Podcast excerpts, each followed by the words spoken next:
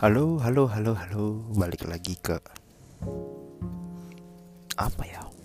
Podcast gue Yanuar Alvin. Ya baru break tiga hari doang, lebay juga. Ah, Pakai ngomong balik lagi. Ya pokoknya di sini gue mau sharing lagi atau membahas cerita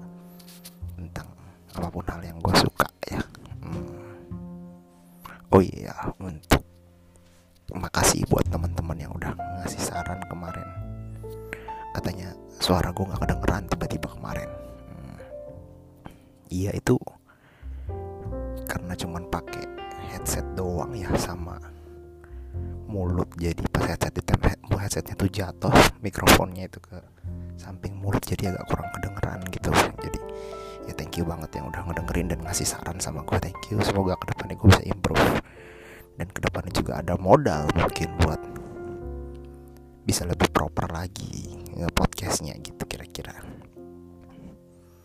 Terus ada juga mungkin sedikit sih yang nanya.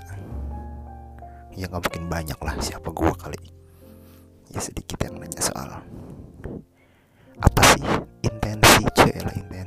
tujuan lu bikin podcast ini.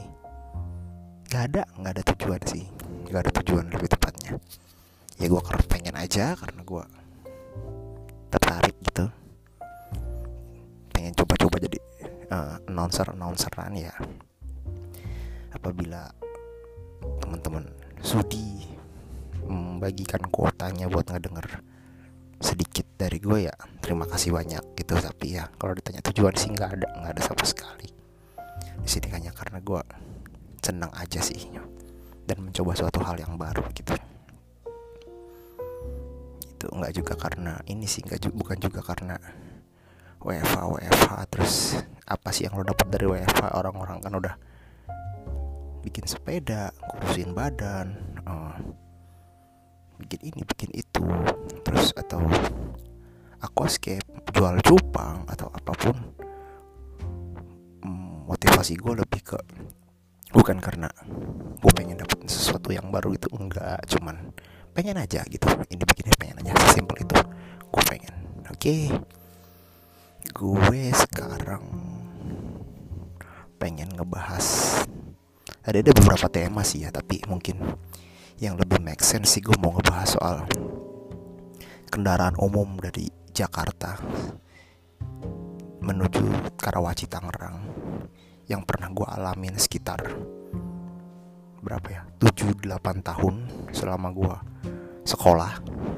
Gue mau ngebahas itu aja sih dan apa aja sih cerita yang di situ. Hmm, kalau kurang lengkap mungkin gue bakal mecah ini jadi beberapa episode gitu ya. Tapi kalau ya uh, gue juga mencoba ini ngebahas ini seingat gue ya. Karena di sini gue juga nggak nulis cuman berkerangka di pikiran gue aja sih. Oke langsung aja ya gue itu sekolah di Telkom di Jakarta. Gue masuk 2006 berarti aduh berapa tuh ya? 15 tahun yang lalu kalau nggak salah. 16 ya di situ tuh ya karena bokap nggak ada duit juga kan uh, jadi ya uh, jadilah gue nggak dikasih motor gitu kan. Akhirnya gue dari Karawaci ke sono ya gue naik bus kayak anak-anak sekolah telkom yang lain yang berada di, di luar provinsi Jakarta. Kita naik bus gitu yang ada kan dari Depok Bekasi ya Tangerang juga gue naik bus. Wal- padahal kalau naik motor sih durasinya mungkin lebih cepat 15 menit. Iya kayak nothing sih nggak nggak terlalu nggak terlalu beda jauh lah sama bus. Oke lah bus sejam tapi kalau motor paling 15 menit kalau dari Cengkareng situ kita puterin sampai dan Mogot situ paling 45 kalau naik bus gue itu satu jam lah mungkin ya satu jam. Karena pagi udah pasti lancar ya kalau ya apes-apes ya paling ada kecelakaan. Atau ya kecelakaan orang lain lah ya kalau kita yang kecelakaan ya nggak sampai udah pasti nggak sampai dong gitu kan. Hmm. gue pertama pengen ngebahas up dulu ada dua tipe bus kalau dari Karawaci. Itu kita naik ya. Pertama tuh bus yang punya pemerintah PPD 425 dulu tuh. Zaman gue 25 kata bokap gue sih zaman gue belum lahir zamannya dia masih kebetulan bokap gue dulu ex PPD dulu. Dia yang ngasih surat izin dulu zaman dia masih kerja di situ. Hmm, tuh. Dulu namanya patas dua tuh. Dari mana ke mana gue lupa deh gue kurang tahu di situ patas 25 itu dari Poris ke Senen. Nah itu itu gue biasa turun di Citraland atau Taman Anggrek. Atau dibilang wali kota biasanya bilang wali kota. Gue gak tahu sih wali kota mana pokoknya yang depan untar situ lah seberang untar yang pusat itu. Nah ya situ. Flyover uh, jembatan penyeberangan situ. Atau 104 104 itu bus swasta sih gue rasa. Iya ongkosnya kalau 104 tuh nggak bisa dinego. Dia di 2500 kalau di PVD 25 ini patas 25 ini dia dia bisa dinego. Dia kalau buat pelajar tuh bisa 2000 bahkan saking uh, dia ini uh, baik gitu ya. Gue pernah nemuin lah gitu.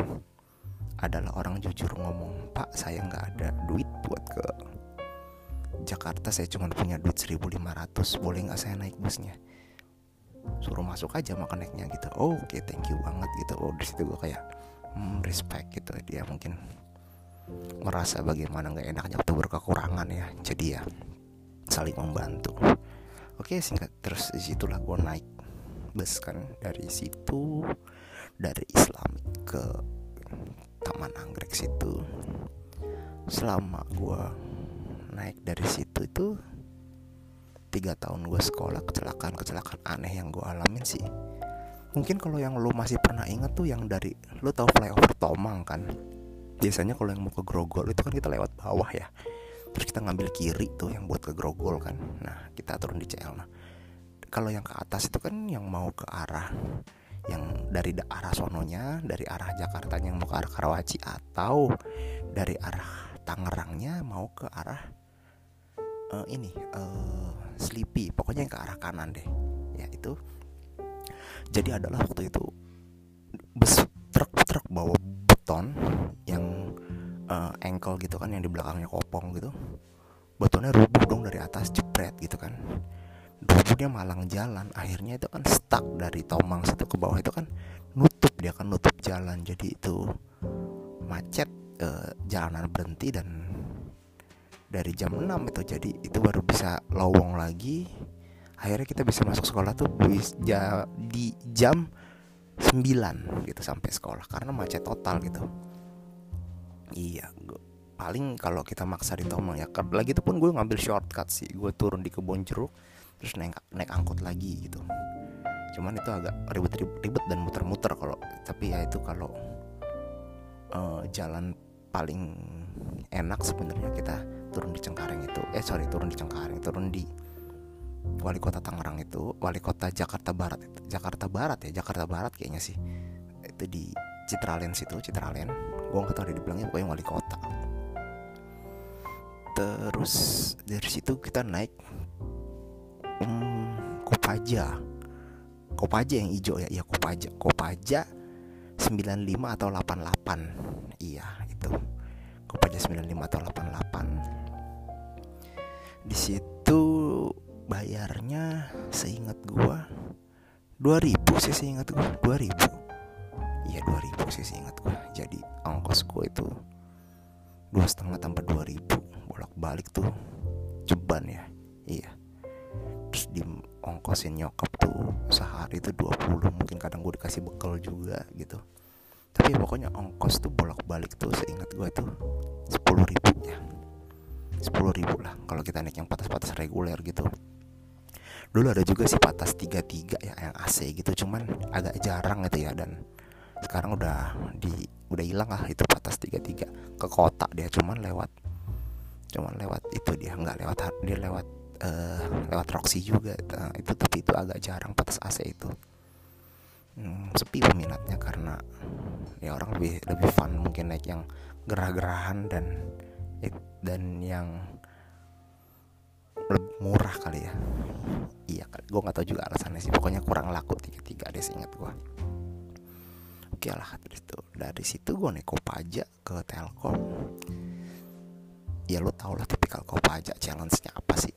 Oh ya kalau buat yang nggak tahu mungkin ya Kopaja itu kayak itulah apa bus tiga perapat yang super tua bahan bakarnya solar dan udah lama sih kira-kira tahun 70-an gue rasa 70-an udah ada itu jadi ya begitu di tahun gue pakai itu udah sekitar 40 tahun kayaknya itu bus.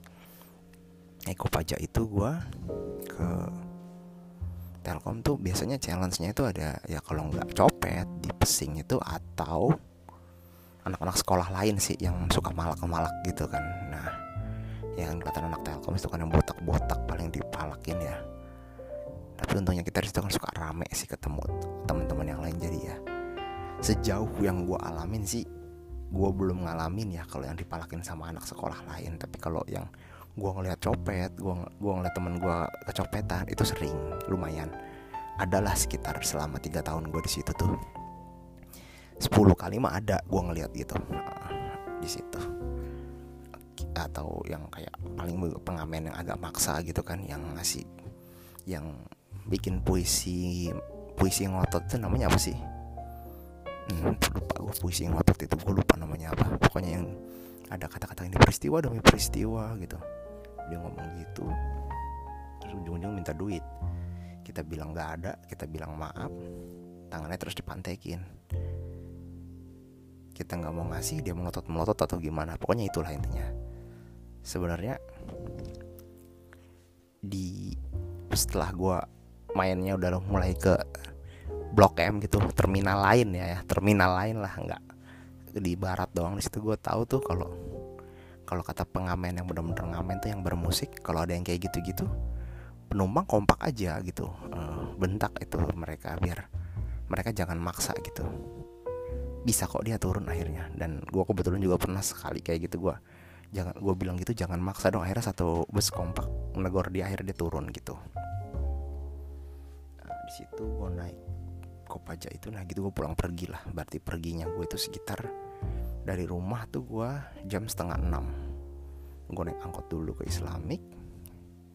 Di situ udah dapat bus. Pokoknya gue dapat bus itu harus jam 6 kurang deh turunlah di nanti turunlah di itu di Citraland itu jam setengah tujuh atau jam tujuh lima belas. Jadi dari situ gue naik Kopaja dari Kopaja dari situ dari situ naik Kopaja ke ke, ke, ke sekolah gue itu paling 10-15 menit lah. Jadi gue kira-kira nyampe itu jam 7.10 7.15 dulu gue sih jam setengah jam 7 lah 7.10 jam 7 tuh gue udah sampai tuh. Dulu kalau masih dulu tuh masuk tuh jam setengah delapan inget gue jadi hampir belum pernah macet. Oh iya sekolah gue ini punya punya sistem skor ya. Skornya ini mm, mengacu pada pelanggaran. Jadi kalau skor lo cepet uh, ya lo do gitu. Dan pr banget kalau do dari telkom itu karena ya lo mesti cari sekolah lain gitu kan yang satu jurusan kalau lo pengen lanjut di kelas yang sama mungkin kalau karena kan itu kan hitungannya lu bukan nggak naik kelas kan lu kan di drop out karena kasus kan. Jadi ya kalau lu pengen lanjut di kelas yang sama lu mesti cari jurusan yang lain. Dan gue rasa agak susah sih jadi atau mungkin kalau lu pengen mulai dari nol ya lu SMA mungkin gitu sih paling ya ya um, oke okay, terus di situ di Telkom itu gua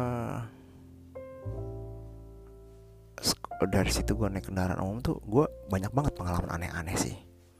Dari yang berteman sama tukang kacang di Grogol gue ingat banget. Dia jual kacang baik banget dia akrab gitu. Terus dia suka ngingetin kalau misalkan ada copet atau ada yang nggak bener gitu dia ngasih tahu gitu. Karena tadinya kita bercanda-bercanda sama dia akhirnya dia mau ngingetin gitu. Jadi gue udah ada dapat ilmu dari dia pengalaman lah yang gue dikasih tahu. Jadi kalau dulu sekitar tahun 70 lah eh sorry 80-an kata dia itu ya. Jadi kalau yang kayak begitu tuh mainnya tuh dia tuh berbawa koran koran. Dia nggak spesifik bilangnya koran. Dia bilangnya koran terus korannya itu kalau buat jadi biasanya kalau yang main dua gitu yang uh, eksekutor itu megang hidung biasanya. Dia megang hidung buat terus megang hidung lu tangan lu megang hidung deh. Jempol sama telunjuk lu megang hidung nah kelingking lu berarti di bawah kan. Nah kelingking lu itu yang nunjuk korban itu dah menandakan kalau si eksekutor mau nunjuk siapa korbannya. Oke. Sampai situ terus uh, nanti si blokernya itu yang support supportnya lah support kalau main Dota atau main Mobile Legends support lah. Supportnya itu yang ngeblok kita ngeblok menahan jalan kita itu dia megang koran. Dia megang koran terus dia ngegulung korannya. Artinya iya jadi setuju siap. Kira-kira begitu gue nggak terlalu anggap serius itu omongan ya karena gue pikir uh, belum pernah lah gue nemu gitu. Dan pengalaman ini akhirnya kepake di gue semester kira-kira kira-kira tahun ketiga atau tahun kedua gitu gue semester 4 atau semester 5 gitu gue lupa deh. Gue naik busway lah gitu. Gue naik busway di situ gue bawa pakai HP yang Xperia musik tau gak lo? Sound Nokia dulu deh tuh. Gue pakai itu. Uh, biasa dong berkabar. Gue balik lagi tuh jam 6 eh, selesai kelas tuh jam sore lah. Karena gue males lagi tuh balik macet-macetan gue nongkrong dulu. Nunggu agak malaman biar agak sepi baru gue balik. Nah, gue naik busway dari Senen tuh. Gue naik busway naik busway dari depan kampus tuh kan lanjut ke Senen terus ke Grogol. Di Senen tuh gue udah ngeliat memang uh, orang muda lah. Uh, mungkin dia early 30 atau late 20 lah. Dia jadi bener dia megang hidung gitu. Gue kayak gue kayak langsung kayak entah dejavu atau flashback. Dia megang hidung itu kayak batin gue langsung gak nyaman. Terus gue inget percakapan sekitar berapa tuh? Berarti sekitar 4 5 tahun lalu kan ya? Kalau ada orang megang hidung ngeliatin nggak ngeliatin lu tapi megang hidung tapi telu, kelingkingnya nunjukin ke lu atau jari lainnya lu langsung hal yang pertama yang lakukan kata dia adalah lu harus ngeliat sekitar lu ada nggak yang megang koran? Oh ada depan gue nih megang koran. Digulung nggak? Kalau digulung artinya bener dia mau main di situ gue agak ragu karena yang dia pegang tuh koran bola. Gue inget banget koran bola kan saat itu mahal banget kan. Yang kayak top score itu paling 2000 setiap hari. Terbit kalau bola tuh bisa berapa sih? 6000 atau 8000 gitu lah. Lebih mahal ya. Dan menurut gue saat itu ya sorry tuh saya gue pikir ah, kayaknya nggak mungkin deh dia mau beli koran bola cuman buat modal buat main begini doang. Eh ternyata bener dong. Uh, feeling gue begitu. Cuman gue langsung berpikir saat itu intuisi gue sih lah intuisi.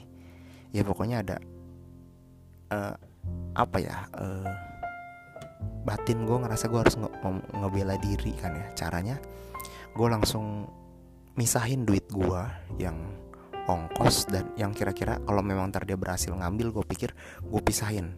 Jadi kira-kira gue langsung masukin duit sebuang sepuluh ribu gue ke kantong gue HP gue gue masukin ke dalam binder jauh ke dalam tas gue sleting.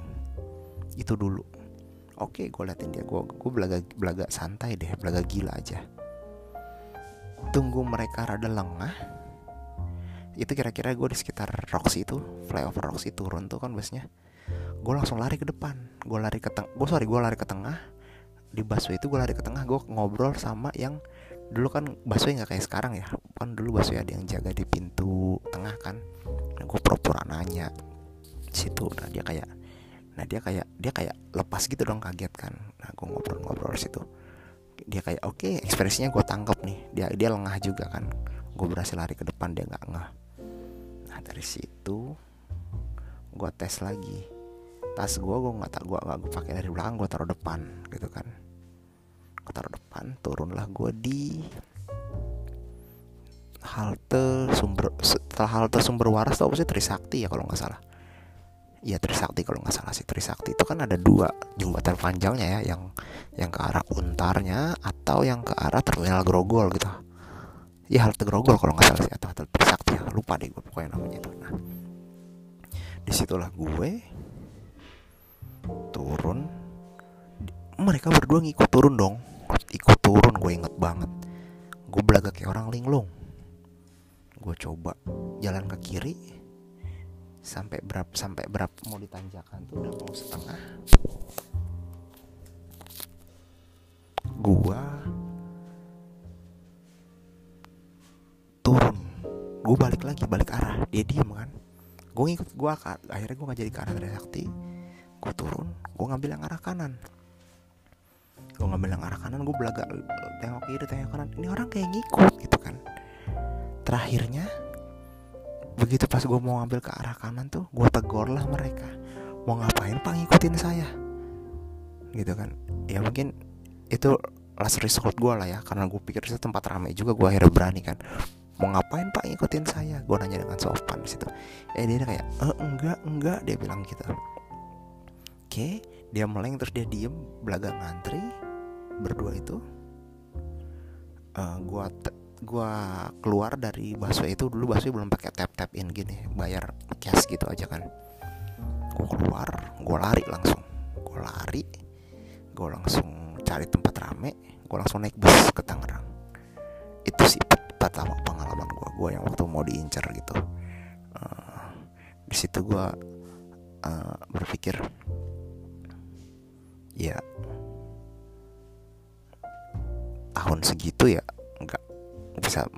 nggak bisa sembarangan gitu.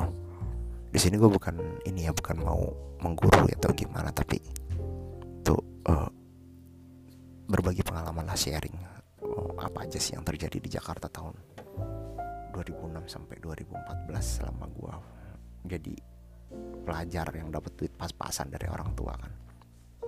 Waktu gue cerita gitu sama bokap gue anjirnya anjirnya dibilang kan ya lu sih pamer-pamer ini ya biasa lah orang tua ngomong gitu kan. Lu sih pamer-pamer ini enggak enggak ada gue pamer. Cuman ya ya mereka jadi kayak blaming gitu. Cuman dia, tapi dia ngasih yang gue salut dia nggak tetap ngasih jalan keluar. Ya udah lu pakai aja tuh baju gue baju kan baju baju itu. Lu belaga belaga jadi kayak kenek lu. Anjir gue bilang. Serius nih lu belaga belaga lu nggak bakal lu ditegor itu di Senin tuh. Terus gue pikir ah nggak ah thanksin gue masa gue anak kampus belaga-belaga kayak kayak begitu belaga susah. Tapi sekali waktu gue coba bener gue nggak ditegor sama apa satupun sama gue naik batas-batas yang begitu sama gembel-gembel situ dipalak enggak dicolek aja enggak bener. Tapi sekali aja sisanya sih gue jujur gue thanksin lah gitu saat itu gitu. Oke terus challenge yang lain tuh paling tuh nasihat bukan nasihat ya sharing berikutnya paling ya lo kalau pakai tas e, barang bawaan ya lo taruh di depan dada lo ya jangan di belakang gitu biasain. Ya kan ntar bakal dicolek gitu. Ya kalau mungkin agak nekat lagi kayak di kereta sekitar tahun segitu tuh yang sebelum ada KRL sekarang tuh yang penumpangnya masih kodian tuh biasanya kan langsung disilet kan. Nah di situ uh, cukup brutal sih kalau kereta. Gue udah cerita tentang kereta juga sih tapi ntar gue bahas mungkin di lain waktu. Tapi yang ngalamin bukan gue. Nyokap dan kakak sih uh, dan itu cukup seru juga sih. Terus apalagi ya gue mau cerita soal ya hal-hal menarik tuh. Kalau pas di Jakarta tuh gue termasuk yang paling setuju waktu itu uh, Pak Jokowi sempat nurunin uh, polisi-polisi yang nangkepin preman waktu itu di orang bukan preman sih apa namanya yang nertipin orang-orang kayak begitu di sekitar jalanan Jakarta gitu. Ya paling nggak Jakarta fresh gitu kan sebentar nah, ada yang tatar gitu. Soalnya saat itu tuh kita bener-bener lelah. Lo mau tidur lo disindir.